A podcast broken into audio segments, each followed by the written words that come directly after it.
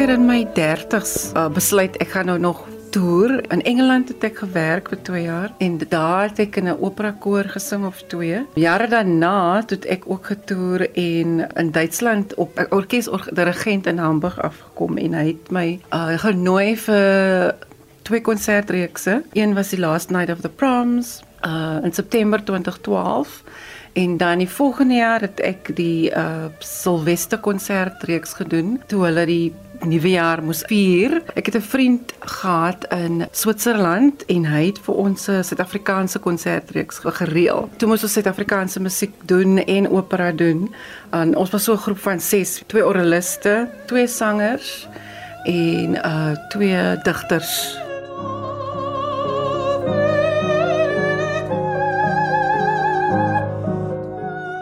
Die gehore, dit is die wonderlikste ding hoe ontvanklik hulle is en die hele kultuur van klassieke musiek wat so lewendig daar is. En selfs as jy net daar kom, maar jy net besef, wag, hierdie mense is nou ernstig oor hierdie musiek. Jy word ook nou soos 'n diva behandel. Sjoe. jy moet jou kant bring, maar hulle geniet dit. Hulle geniet dit om net om jou te wees, want hulle respekteer die bedryf as mens so heeltyd reis om jou werk te doen en dit te doen waaroor jy passievol is, wat dan van verhoudingsbou, 'n gesin begin wanneer jy die heeltyd op die pad moet wees? Het jy net gefokus en dan dat God besluit oor ander dinge in jou lewe. Dis presies wat jy nou daar gesê het. Jy's so gefokus op die werk om dit te doen en en jy weet dat dit jou dryfkrag is. Jy moet persoonlik moet jy jy moet jy sterk wees om van die een optrede na die volgende toe te gaan en en die beste te kan lewer. Dit dit vat emosionele krag om dit te doen en mm. en dis hoe jy eintlik na alle aspekte van jouself moet kyk as jy hierdie werk voltyds doen. En ek sal nie omgee om weer konserte oor see te doen of om of selfs hier in Suid-Afrika, maar dis lekker om daar op te tree. Uh, maar om dit konstant te doen vat nogal baie van 'n mens. Mense het natuurlik jou kontakte waar jy is, maar jy het 'n vriend op elke plek. Dis die wonderlikste ding. Jy het vriende reg oor die wêreld en ek was gelukkig toe ek in Duitsland was en in Engeland het ek altyd pelle gehad wat selfs kom kyk het of wat reeds al geëmigreer het en konsert kom bywoon het en so voort. So toe was ek gelukkig om om dit te kan hê. 2011, 2012 en 2013. Dit was nie vir lang periodes van tyd nie, maar ek het weke daar spandeer. Sê 'n maand maksimum. Dit vat nogal baie te mense, maar ek was ook gelukkig. Ek het 'n uh, eh, ek het by 'n familie gekuier toe ek in Duitsland was en hulle het my besig gehou. So um, so baie soos wat ek van sang weet en moet optree, het ek ook geleer van die stede waar ek was. So hulle het seker gemaak hulle hou my daarvoor ook besig. Dan is daar hierdie hele ding rondom 'n mens se stem holisties ontwikkel. Maar voordat ek jou dit vra, wil ek net weet hoekom toe eers op 25? Ek het eintlik universiteit toe gegaan. Ek kom van 'n um, baie musikale familie en ons het altyd koorsang gedoen. Ek het in die Parel Wellington streekkoor gesing en uh, maar op hoërskool was daar nie eintlik 'n koor nie, nie in die Parel gemeenskap waar ek kon aansluit nie en toe mik ek om Stellenbosch Universiteit toe te gaan en in die universiteitskoor daar te sing. So ek het gaan studeer. Ek het 'n BA's graad gaan doen in sielkunde en geografie en terwyl ek dit gedoen het, het ek in die universiteitskoor gesing.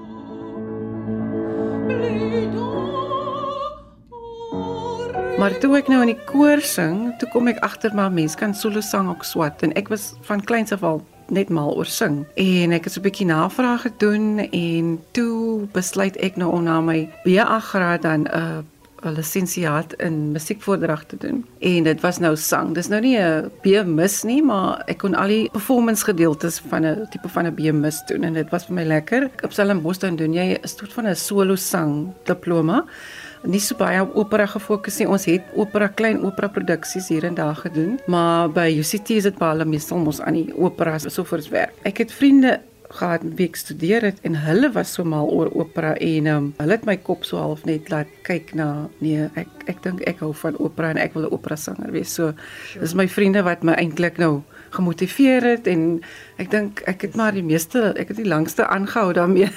omdat ek het so so mal is daaroor en omdat dit 'n konstante ontwikkeling is van die stem. Tot jy by 'n sangonderwyser kom wat spesialiseer in opera en dan leer jy so baie, besef jy maar daar's eintlik so baie om nog te leer en ek leer nog steeds. Kyk, as jy 'n stem ontwikkel, dis daar drie aspekte waarna jy moet kyk. Dis natuurlik om 'n goeie sangtegniek te hê en dan moet jy ook kyk hoe jy hierdie musiek uh dramaties kan uitbeeld. So jy moet dan kyk hoe jy interpreteer, wat die wat die rol vereis van jou emosioneel. Ek gee gewoonlik klas um, as ek stagecraft soos dit noem klas gee, dan werk ons met sekere teorieë, drama teorieë hoe jy dan nou hieraan werk, want jy werk aan verskillende aspekte. Een aspek is miskien wat wat wat gaan in jou kop aan terwyl jy besig is om hierdie hierdie hulle noem dit internal monologue of um emotional recall. As iets met jou in die lewe gebeur het, kan jy dalk in uitbeeld terwyl jy sing, maar jy moet jouself ook stop want jy kan nie emosioneel te betrokke raak nie want jy moet dit weer gee maar nie jouself half blok om om sê byvoorbeeld aan die huil of aan die lag of so iets te gaan nie. Jy moet net die rol kan uitbeeld. En dan die derde aspek is natuurlik om na jouself te kyk, emosioneel te kyk. Wat ek in my studio vir die mense sê om te doen is om miskien yoga te doen, want hulle moet kyk na ontwikkeling van jou asem, maar jou liggaam moet ook buigsaam wees. Om sang te doen is 'n baie buigsame flexible tipe asemhaling en weergee van klank en dan natuurlik meditasie maar ag elkeen se meditasie is anders dan af hmm. watter godsdienst jy behoort of wat ook al en ja, so dit is net om jou kalmte op die verhoog want as jy op die verhoog gaan eh, kalmte is belangrik. Jy moet kalmte in jouself hê. Ek sê altyd 'n sanger doen vyf goed gelyk. Waar 'n instrumentalis dalk miskien net die instrument het en natuurlik tegniek het. 'n Sanger moet dink aan die interpretasie en jy weergee dan jou stem, jy gee emosioneel iets Jy moet dink aan jou postuur. Uh, jy moet kalm wees en jy moet nog natuurlik jou gehoor intrek na jou optrede toe. Jy moet sterk wees. Jy moet emosioneel sterk wees om dit te kan doen. En dan het jy nog 'n orkes of 'n begeleier met wie jy sing. So jou ore moet ook werk. Jy moet die dirigent dophou of jy moet jou begeleier daarom jy moet daarom asemhaal dat hy weet wanneer hy wat moet speel. Ek dink ons doen dit holisties sonder dat ons daaraan dink. Dit is maar net as 'n mens bietjie analiseer, dan dink jy maar gits 'n mens moet aan al hierdie goed werk om eintlik 'n sukses te maak van die sang. Tans gee ek by UCT klas en ek uh, gee sang um, vir die opera sangers en die wat ook solo sang doen, klassieke solo sang doen. As ek met hulle werk, werk ons aan tegniek. Ehm um, ons werk ook aan die interpretasie van die musiek en dan is daar natuurlik 'n coach of 'n begeleier wat dan in die studio inkom en dan werk ons almal saam om die sanger um, goed op te lei. Ons het dan ook 'n klas waar hulle studio klas bywoon waar ons dan op werk aan die drama aspekte. Natuurlik gee ons as die lektore ook vir hulle terugvoer. Um, ek het nou vir 7 jaar by Rhodes klas gegee. Wat van kinders in jou eie gemeenskap hier in Parel? Um ek was baie gelukkig toe ek uh, in 20 vanaf 20 toe 2008 tot 2012 by die Frank Petersen Musieksentrum kon klas gee. Ek was ook gelukkig dat ek as 'n kind in die musiekskool was. So dit was vir hulle lekker dat ek daar was en ek kon natuurlik vir die sangers toe nou klas gee. Ek het die solo sang aangebied en ek het ook die koorakademie wat ons toe begin het aan die gang gekry. En met die studente kon ons konserte doen. En vir my was dit vir lekker as ek sing en hulle sing en ons sing saam vir konserte. Ons het by Mooi Kelder Gastehuis het ons opgetree en ehm um, hulle einde van die jaar konsert altyd daar soort van gedoen. Maar die hoogtepunt vir hulle was as ons kan teater toe gaan. Hier in die Weskaap Final Dress Rehearsal rehearsal te gaan sien van al die operas. Hulle was so mal oor Madame Butterfly. Dan kom hulle uit en maak hulle dieselfde geluide wat die koor maak, want daar's sulke wonderlike, interessante klanke wat die koor maak in Madame Butterfly en hulle het my natuurlik om vertel.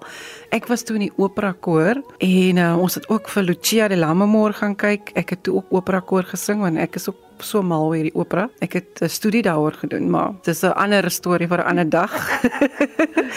ja, maar vir my leer hulle die beste as hulle kan sien waartoe werk hulle. En ek voel altyd jammer vir toe ek nou in Gauteng werk het ek jammer gevoel vir studente daar dat hulle nie die geleentheid kan hê om in die Kaap te kan bywoon nie. Dis 'n baie baie goeie um leerskool vir studente.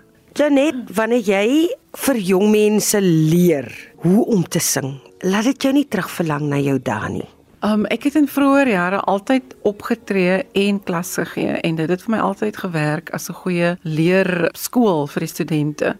So ek voel ek wil nou weer meer optree, net vir 'n voorbeeld gee van van hoe mens gemaklik op die verhoog kan wees en natuurlik kan interpreteer. Mense moet hulle motiveer. Ek dink meeste studente is ook maar kreatiewe wesens en as jy hulle genoeg motiveer, dan kry jy ook die beste uit hulle uit. Hulle verbaas jou baie keer en dit is die wonderlikste ding. Kom wys hulle vir jou iets. Kom kyk gou hier, juffrou. Ek het dit gedoen. dis die wonderlikste ding. Ek voel dis 'n moderne manier om klas te gee om met positive soos in sielkunde praat hulle van positive reinforcement om op die negatiewe heeltyd te wys ja jy moet hulle sê okay jy moet nou 'n bietjie beter doen en so aan maar dis nie vir my altyd 'n effektiewe manier om iemand te leer nie. Wat van toekomsplanne? Dalk uh, 'n uh, droom om iewers spesifiek te gaan optree. Ag dit was nou al jare my droom om om in Barcelona te gaan sing. Ek was gelukkig om in een van my konserttoere daarom in Barcelona ook te gaan toer en te gaan sien hoe die stad lyk en natuurlik die operahuis te gaan sien. Een van my gunsteling goed is om operahuise te besoek en en net te sien hoe dit lyk. Nou nie so baie in opgetree nie behalwe nou natuurlik in die Kaap by Cape Town Opera. Toe ek nou in Gauteng bly, ek kon daar in 'n groep behoort, um, Sempre Opera en ons het 'n hele paar projekte gedoen. Ek was baie gelukkig om vir 'n paar jaar in die South African Sopranos ensemble groep te behoort en Neil Rademan het ons so 'n bietjie rondgevat na feeste toe. Dit is heerlik om op te tree. Jy moet elke keer op 'n nuwe plek kom en dan aanpas en dan op die verhoog kom en laat waai. Nou laat waai gou gee my gou een van jou hoë note, net so een.